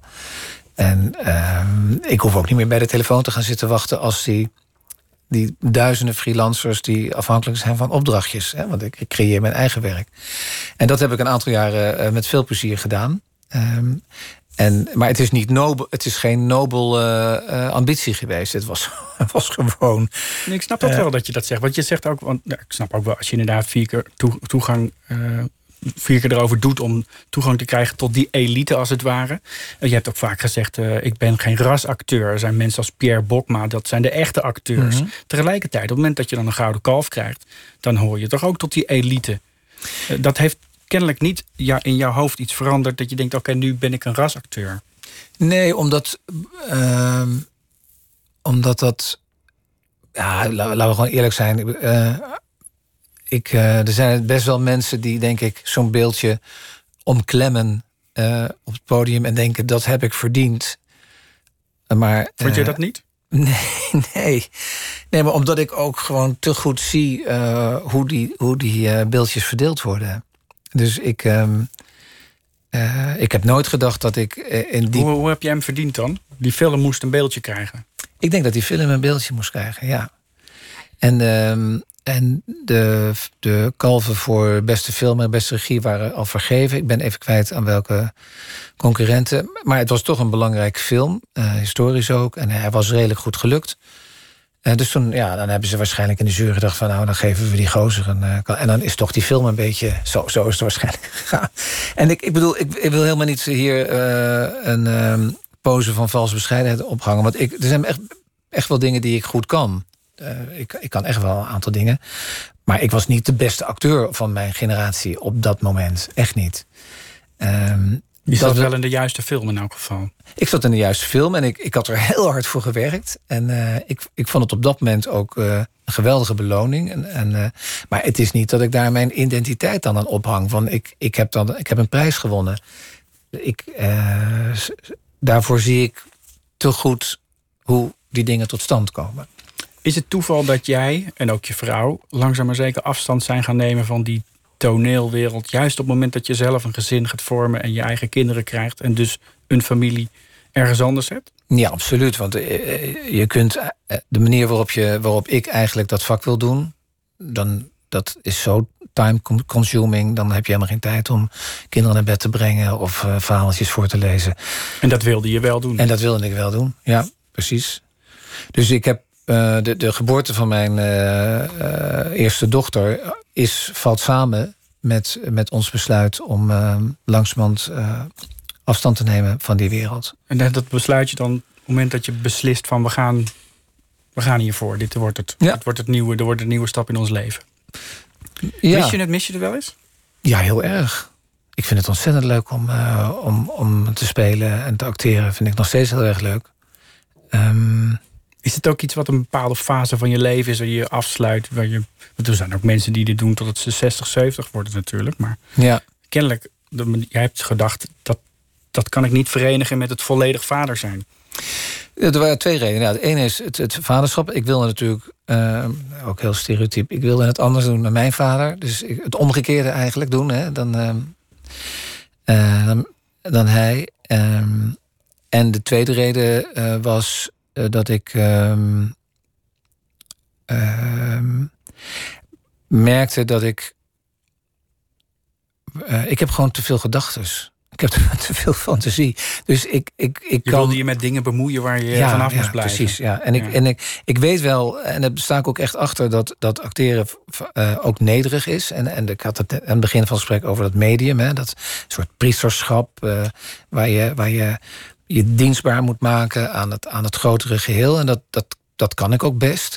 Alleen, ik ga me... Um, ik, terwijl ik daar dienstbaar sta te zijn dan heb ik toch ook een heleboel andere gedachten hoe het anders zou kunnen. En dat we eigenlijk een andere pij aan moeten. En dat we misschien het podium een kwartslag moeten draaien. Of misschien een ander verhaal moeten vertellen. En dat kun je eigenlijk niet... Dat wordt helemaal niet gewaardeerd. Dat wordt niet, nou ja, dat hangt er maar van af. Sommige, sommige regisseurs vinden dat leuk. En sommige collega's vinden dat ook leuk. Uh, maar het is voor jezelf ook lastig. Want uh, je... Ja, je, je, je, nog maar even terug naar het voetballen. Uh, wij willen dat, dat Oranje speelt als een team. En af en toe mag daar best iemand een geweldige dribbel maken en een goal maken. Maar, en dan moet hij weer terug in het team. En dan, maar um, ik, ik, uh, ik had allemaal fantasieën over dat dribbelen. En uh, andere techniek en uh, soort. En, ja. Nu ben je bondscoach geworden eigenlijk. Toen ben ik mijn eigen bondscoach geworden, precies. Tot slot is het scenario voor uh, Laat me liefde zien al af. Want bijvoorbeeld uh, toen je de Storm, toen je 1953, dat is het boek. De Storm, dat, dat moet één project geweest zijn om daar een boek en een film van te maken. Dat kwam hetzelfde jaar uit. Dan ga, dan ja, gaat toch echt even er wat tussen normaal gesproken. Ja, de Storm was eigenlijk bedacht door Marjolein. Uh, en, die, en toen ben ik er met dat idee van doorgegaan... omdat we er niet in sla slaagden om, dat, om die film geproduceerd te krijgen. En toen na een jaar of zeven of zo ben ik uit pure frustratie het boek gaan schrijven. Maar het is eigenlijk Marjoleins idee. Maar is er nu al een scenario? Uh, ja, ik ben ermee bezig, ja. ja, tuurlijk, want het is een geweldig verhaal dat is natuurlijk de, de, belangrijkste vraag is natuurlijk... komt er een intimiteitscoördinator op de set van Laat Me Liefde zien? Want die zal eraan te pas moeten komen. Ja, natuurlijk. Want, want het gaat erom dat, hè, dat... laten we die veiligheid en het en, uh, voorop uh, stellen. Maar het verhaal leent zich natuurlijk uh, inderdaad heel goed voor een film. Um, en, want het is, het is, er is liefde en er is spanning en er is wraak. En, en er is heel veel seks. Nou, wat wil je nog meer? Wat wil je nog meer? ideaal recept voor een Nederlandse film. Dankjewel. Rick, dat je hier was. Laat me liefde zien. Het boek ligt al in de winkels. Um, wij gaan luisteren naar muziek. Rimon gaan we luisteren. Is uh, in Groningen straks weer op Eurosonic Noorderslag ongetwijfeld een van de acts waar mensen naar gaan kijken. Deze week komt uh, haar uh, EP uit. Daar gaan we een nummer van. Dat heet Sugar Coated Love.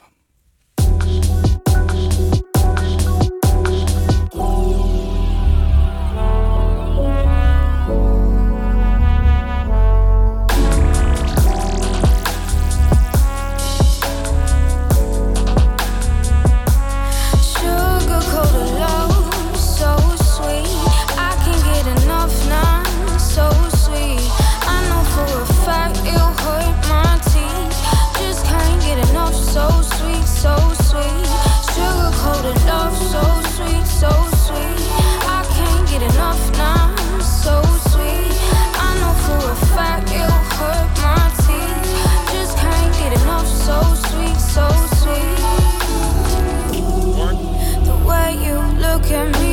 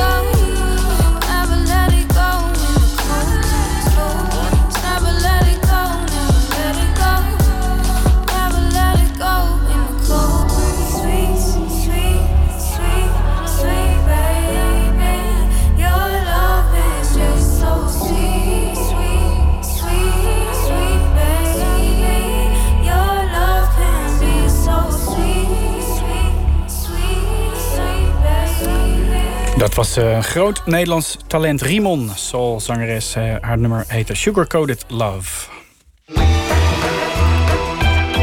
Nooit meer slapen. De Britse Leonor, Leonora Carrington die schreef, schilderde en beeldhouwde. Ze was 19 toen ze de surrealistische kunstenaar Max Ernst ontmoette. Samen met de 20 jaar oudere getrouwde Ernst vertrok ze naar Parijs. In haar boek Beneden beschrijft ze hoe ze ten prooi viel aan de angsten, aan haar angsten en waanbeelden. Haar verhalen kunnen zwaarmoedig zijn, maar ook vaak komisch en zeker ook fantasierijk. Anton de Goede praat in Lees Deze over eh, Carrington met vertaalster Lisette Graswinkel, uitgeefster Ingrid Meurs en student Marian van der Pluim. Toen we in Andorra aankwamen, kon ik niet meer rechtlopen. Ik liep als een krab. Ik had geen controle meer over mijn bewegingen. Een poging een trap op te lopen resulteerde weer in vastlopen. Toen begreep ik opeens dat mijn angst, mijn geest als je het zo wil noemen, bezig was zich op pijnlijke wijze met mijn lichaam te verenigen. Ik had nog nooit van haar gehoord. Laat staan iets van haar gelezen. Inmiddels weet ik dat ik zelden een zo intens verslag las van een vrouw over haar angsten. En inmiddels weet ik ook dat ik zelden een zo helder verslag las over hoe het is om manisch te zijn. Op die momenten aanbad ik mezelf. Ik aanbad mezelf omdat ik me als volledig beschouwde. Ik was alles. Alles was ik. Ik vond het heerlijk te zien hoe mijn ogen op wonderbaarlijke wijze in zonnestelsels veranderden. Die werden beschenen door hun eigen licht. Mijn bewegingen werden tot een wijdse, vrije dans, waarin elk gebaar alles in ideale vorm uitdrukte. Een heldere, waarheidsgetrouwe dans. Ik was bezeten door twee liedjes. El Barco Velero, de zeilboot die me zou wegvoeren naar het onbekende... en Bei mir bist schön, dat in alle talen werd gezongen... en waarvan ik dacht dat het mij opdroeg wereldvrede te stichten. Mir bist schön, again I'll explain.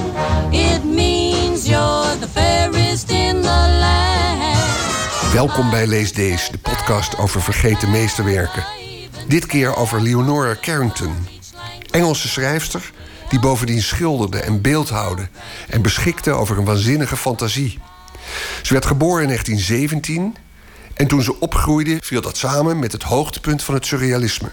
Ze had al wel aanleg, denk ik, voor um, psychose of een zekere waanzin. En dat is op een gegeven moment ook wel echt uh, gebeurd. Dus toen werd ze krankzinnig, gewoon door alles wat ze had meegemaakt. En uh, ging ze die grens over. Vertaalster Lisette Graswinkel. Kijk, binnen het surrealisme ben je dan opeens echt uh, de grote heldin. Maar voor jezelf is het misschien niet zo heel erg gezond.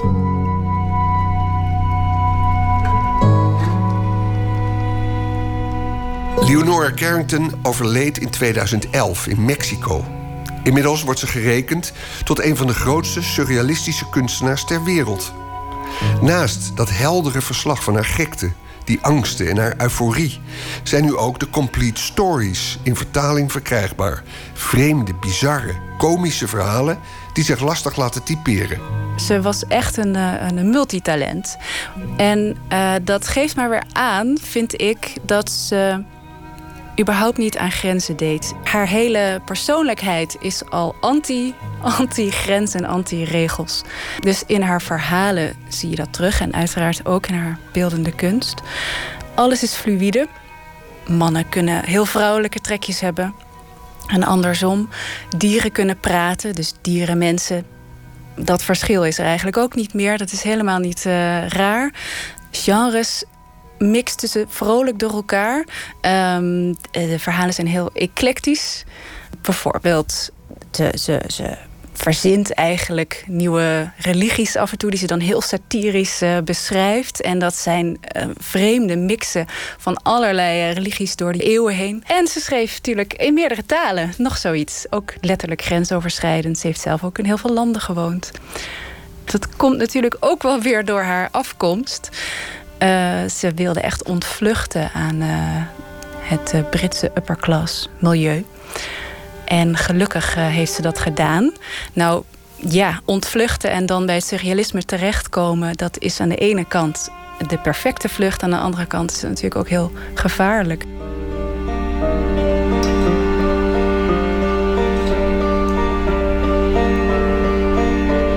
Ja, we zitten hier bij het Letterenfonds met Ingrid Meurs, de uitgeefster van Leonora Carrington. Maar je hebt meer met haar dan dat je alleen maar de uitgever bent. Ja, ik ben inderdaad 25 jaar, bijna 25 jaar geleden op haar afgestudeerd. Toen heb ik mijn scriptie geschreven over Leonora Carrington. Dus ik heb haar in de loop der jaren altijd gevolgd.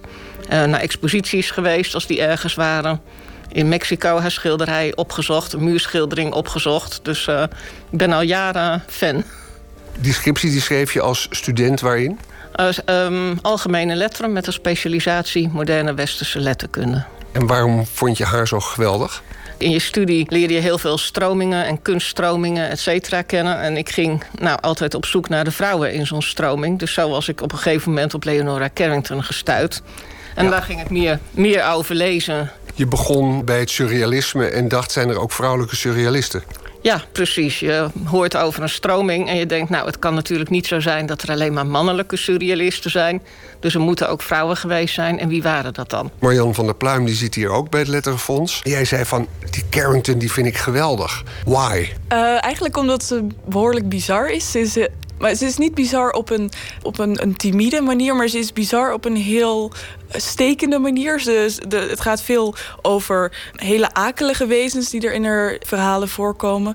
En zeg maar de, de manier waarop zij je in een verhaal betrekt, dat is ook heel bijzonder. Vinden jullie haar eigenlijk in de eerste plaats schrijfster of in de eerste plaats beeldend kunstenaar? Ik vind haar in de eerste plaats schilder. Want dat is ook de manier waarop ze eigenlijk die korte verhalen um, voornamelijk schrijft, vind ik. Ze roept allerlei beelden op. En um, waar het medium van verhalen het zich wel er beter verleent, is dat ze je steeds verder doorin kan trekken. Dat gebeurt minder in de schilderij, heb ik het idee. Omdat ze zeg maar, dan introduceert ze een personage en denk je, oh wow, fascinerend, deze de hertcombinatie.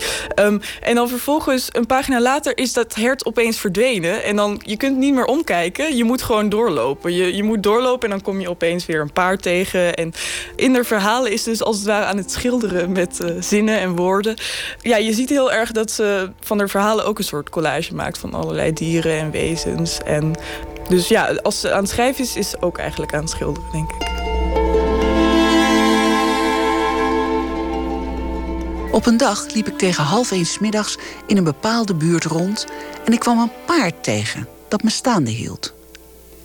Kom mee, zei hij, terwijl hij met zijn hoofd in de richting van een donkere, nauwe straat wees. Juist aan u wil ik iets laten zien. Ik heb geen tijd, zei ik, maar liep desalniettemin achter hem aan. We kwamen bij een deur waar hij met zijn linkerhoef op klopte. De deur ging open. We stapten naar binnen. Ik bedacht dat ik te laat voor het middageten zou zijn. Er stonden een soort wezens in kerkelijke gewaden. Ga de trap maar op, zeiden ze tegen mij. Dan kunt u onze mooie ingelegde vloer zien. Hij is helemaal zeegroen en de tegels zijn met goud gevoegd. Ze schrijft heel erg beeldend. En wat mij opviel was dat de psychologie eigenlijk ontbrak. Ze zegt wel af en toe dat iemand heel erg somber is. Of dat uh, het allemaal heel erg uh, bizar is of erg en met dood en allemaal rare beelden. Maar ze zal niet de psychologie van een personage uh, uitputtend beschrijven, Ingrid. Nee, inderdaad. Ik denk, dat, ja, zoals ik vind haar ook in de eerste plaats een beeldend kunstenaar. En ik denk dat ze met woorden schildert ze eigenlijk wat ze ook met verf schildert. Het zijn meer visioenen die je leest. Of het is een soort, voor mij, ik vond het echt een inkijkje in, een, nou, in het hoofd van een kunstenaar. In de beelden die ze dan op zoveel verschillende manieren kan laten zien. En het gaat inderdaad niet om die psyche. Het gaat meer om de beelden die ze schetst. En zelf zegt ze eigenlijk... Ik heb een boek over haar gelezen waarin ze zegt van... er is helemaal niks verzonnen in mijn verhalen. Dit is gewoon mijn realiteit. Jij hebt ook uitgegeven het boekje Beneden, Down Below. En daarin psychologiseert zij wel. Want daarin gaat het eigenlijk met terugwerkende kracht over een depressie en een periode van waanzin die ze achter de rug heeft. Ja, Leonora Carrington woonde samen met Max Ernst in Frankrijk. Hij werd als ongewenste vreemdeling ge, uh, gevangen gezet en zij moest vluchten uit Frankrijk. En ze met de hulp van iemand die ze via haar familie, ze komt uit een vrij gegoede familie, kende, is ze toen naar Spanje gegaan. Daar is ze in een soort psychose terechtgekomen. En opgesloten in een kliniek en platgespoten, et cetera. En ze heeft daar een aantal jaar na dat alles gebeurd is, heeft ze daarover geschreven en dat proberen vast te leggen. Ze vindt zelf ook een van de allerdonkerste perioden in haar leven. En dat was het natuurlijk ook. En het is, wat ik er ook zo interessant aan vind, is dat in het surrealisme werd er heel erg geflirt met de waanzin. en vrouwelijke hysterica. En zo, Breton die schreef bijvoorbeeld over Natja, een vrouw in een gesticht. En zij zat heel erg in die kringen. En zij is natuurlijk de enige die het echt zo intensief doorleefd heeft. En het ook zo intens heeft kunnen beschrijven.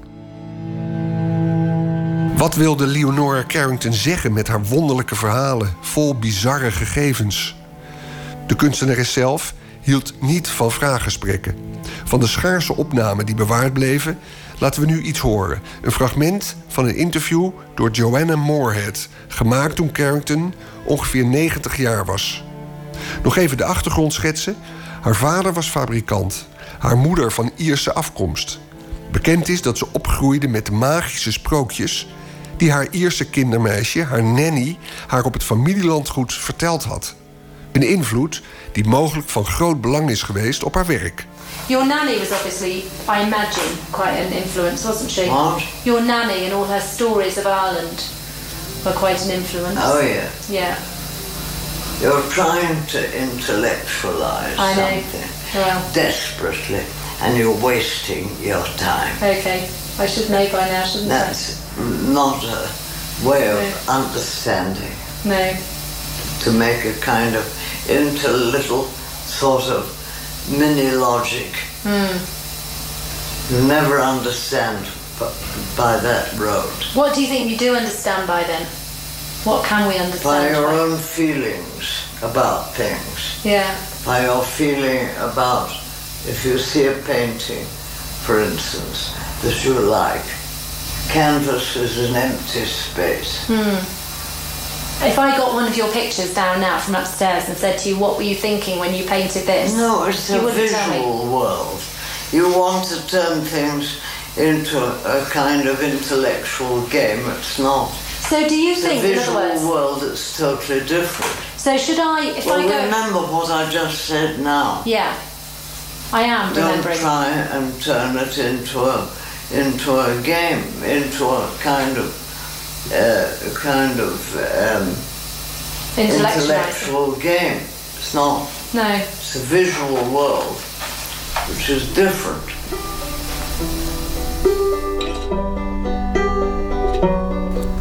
Marjan van der Pluim, jij bent niet een student letterkunde, maar geschiedenis.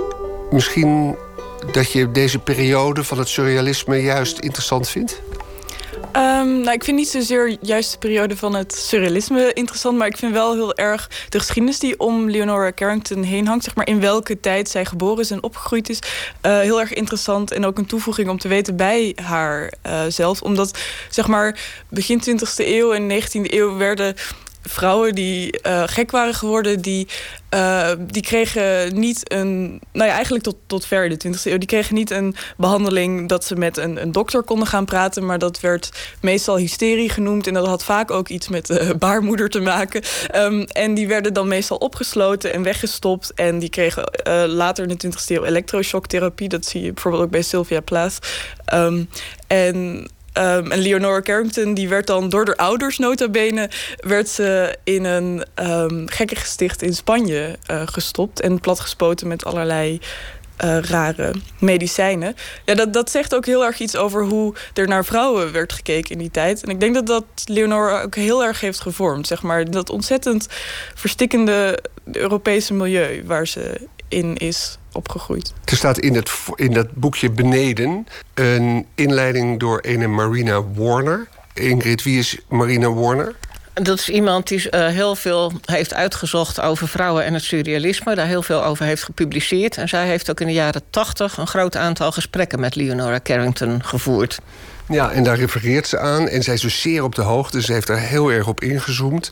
En als je dan met terugwerkende kracht die biografie van Leonora Carrington bestudeert en leest, die zij beschrijft, dan geloof je eigenlijk, Marjan, dat had ik althans, mijn ogen niet als je realiseert dat er een 19-jarig meisje uit Engeland door haar moeder een boek krijgt over het surrealisme van Herbert Reed. En dan denkt van wat een goede, interessante stroming. En dan komt ze in contact met Max Ernst, die een van de grote voormannen is. Die notabene getrouwd is. Maar daar gaat ze mee op pad. Die man die, die is geloof ik 47 jaar oud op dat moment.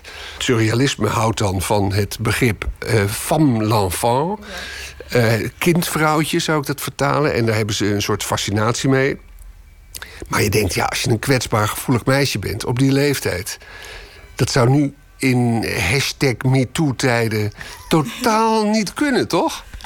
Um, ik weet niet of het zo makkelijk dat parallel te, te leggen is. Maar wat, zeg maar, de reden dat Leonora als 19-jarige, denk ik, met zo'n uh, Max Ernst er uiteindelijk vandoor zou had willen gaan, is omdat ze altijd al wel in zich had om een kunstenares te worden, maar dat ze dat daar absoluut geen mogelijkheid toe was. En zeg maar, het zat in daar om een soort radicale breuk met haar verleden te moeten maken. En uh, ja, dat Max Ernst een aantrekkelijke vent uiteindelijk was, dat, dat is het eventueel. Dat, ja. Uh, Marjan kijkt nu naar Ingrid Meurs. Ja, nee, ik ben het daar inderdaad ook niet, niet helemaal mee eens. Dat het zo eenvoudig ligt het niet. Want zij had inderdaad al een schilderij van hem gezien. En daar werd ze op zo'n wezenlijk diep niveau door geraakt, zei, zei ze zelf achteraf dat ze dacht dat de connectie is veel meer dan een jong meisje en een oudere man. Van het ging echt over de kunst. Hij heeft haar ook wel de ruimte gegeven om zich als kunstenaar te ontwikkelen. Hij heeft haar werken ook toen zij eenmaal naar Spanje was, heeft hij haar werk, het zelfportret dat ook voor op het boek staat, heeft hij gered uit hun huis in Frankrijk.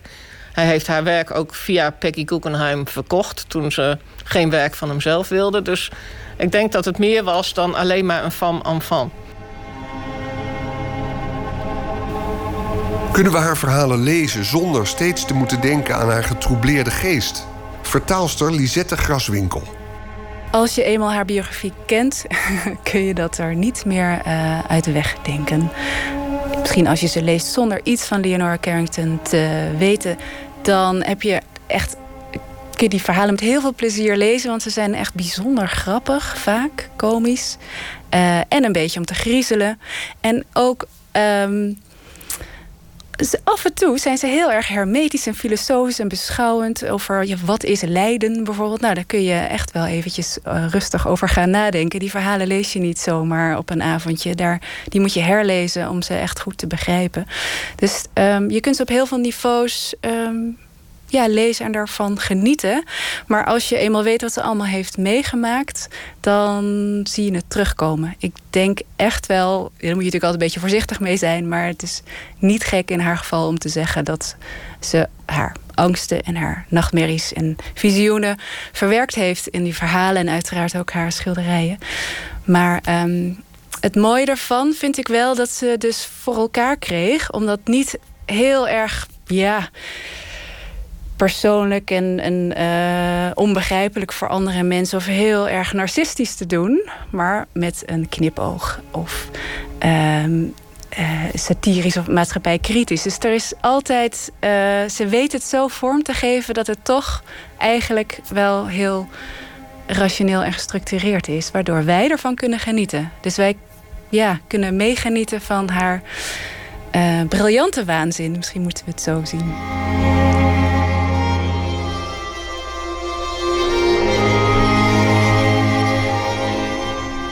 Zij heeft zelf, uh, Ingrid, weinig interviews gegeven, want ze was teruggetrokken. Eh, misschien heel in het kort, zij is dus geboren in Engeland. Ze is via Max Ernst in uh, Frankrijk terechtgekomen en in Spanje uiteindelijk. Max Ernst die werd in de Tweede Wereldoorlog op een gegeven moment gevangen genomen. Omdat iedereen met een Duitse achtergrond de vijand was. En daarop volgde die periode van waanzin. En uiteindelijk is ze in Mexico beland. Hoe?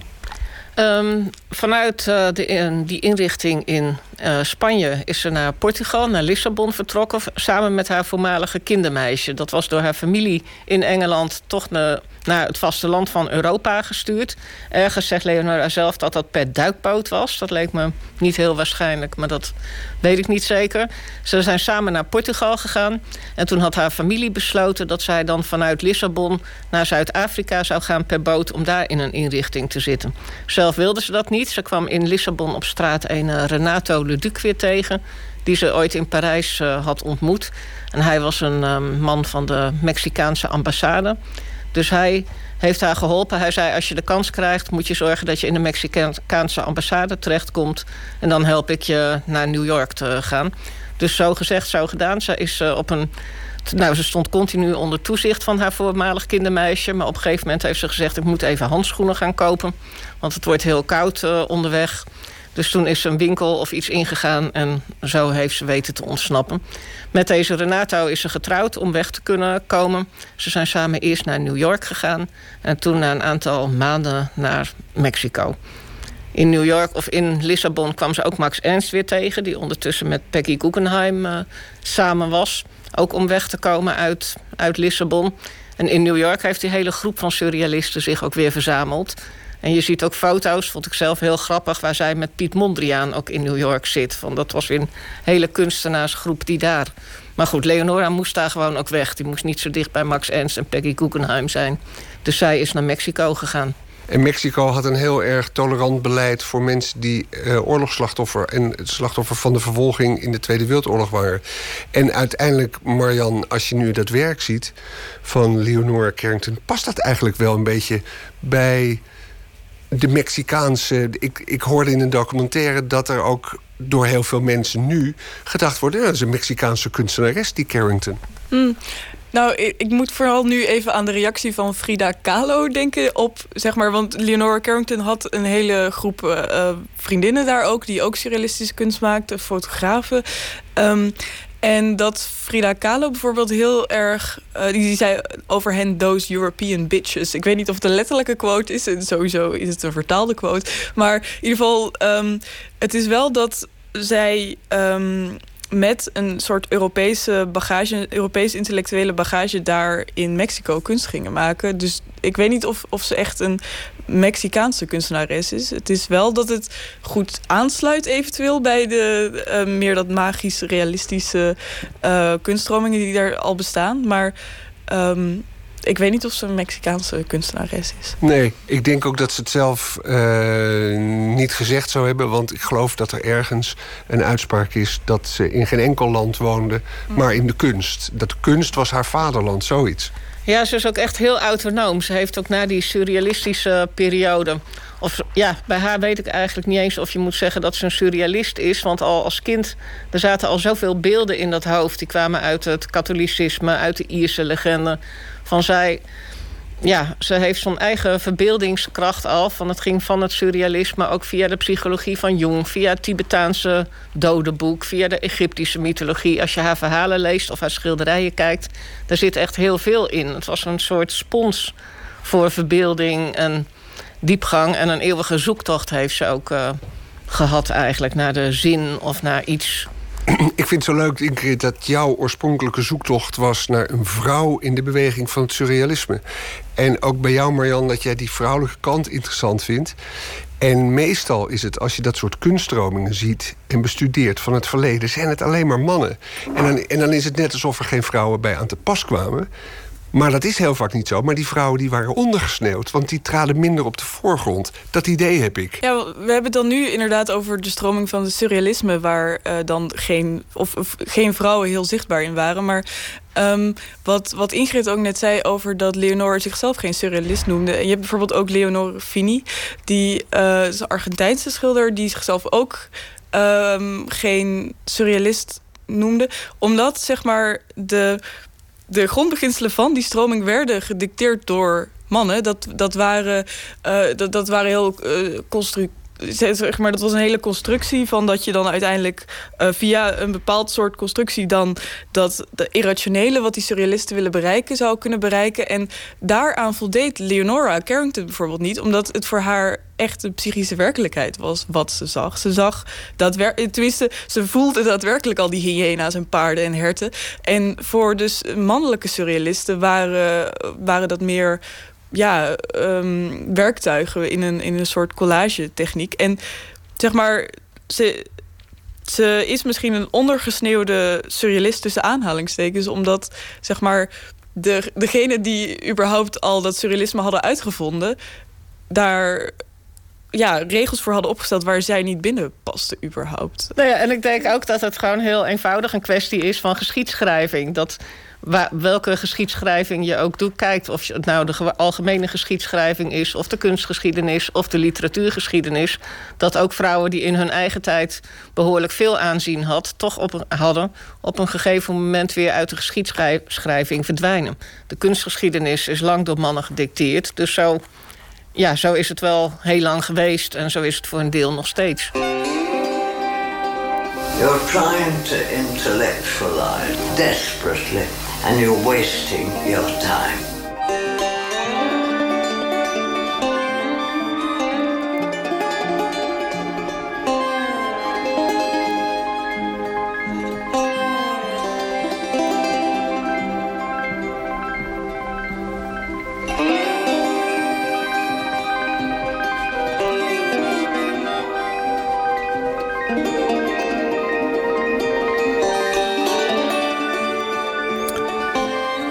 Tot zover de podcast Lees Deze, samengesteld door Anton de Goede.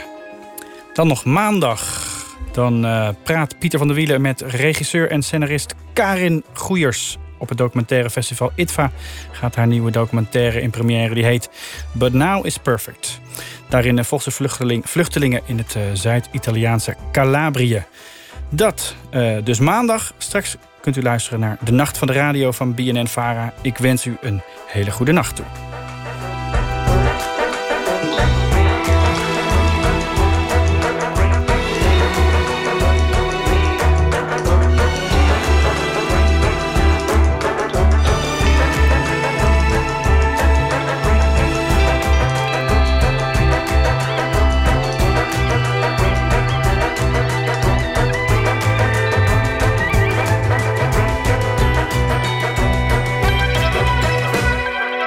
Radio 1.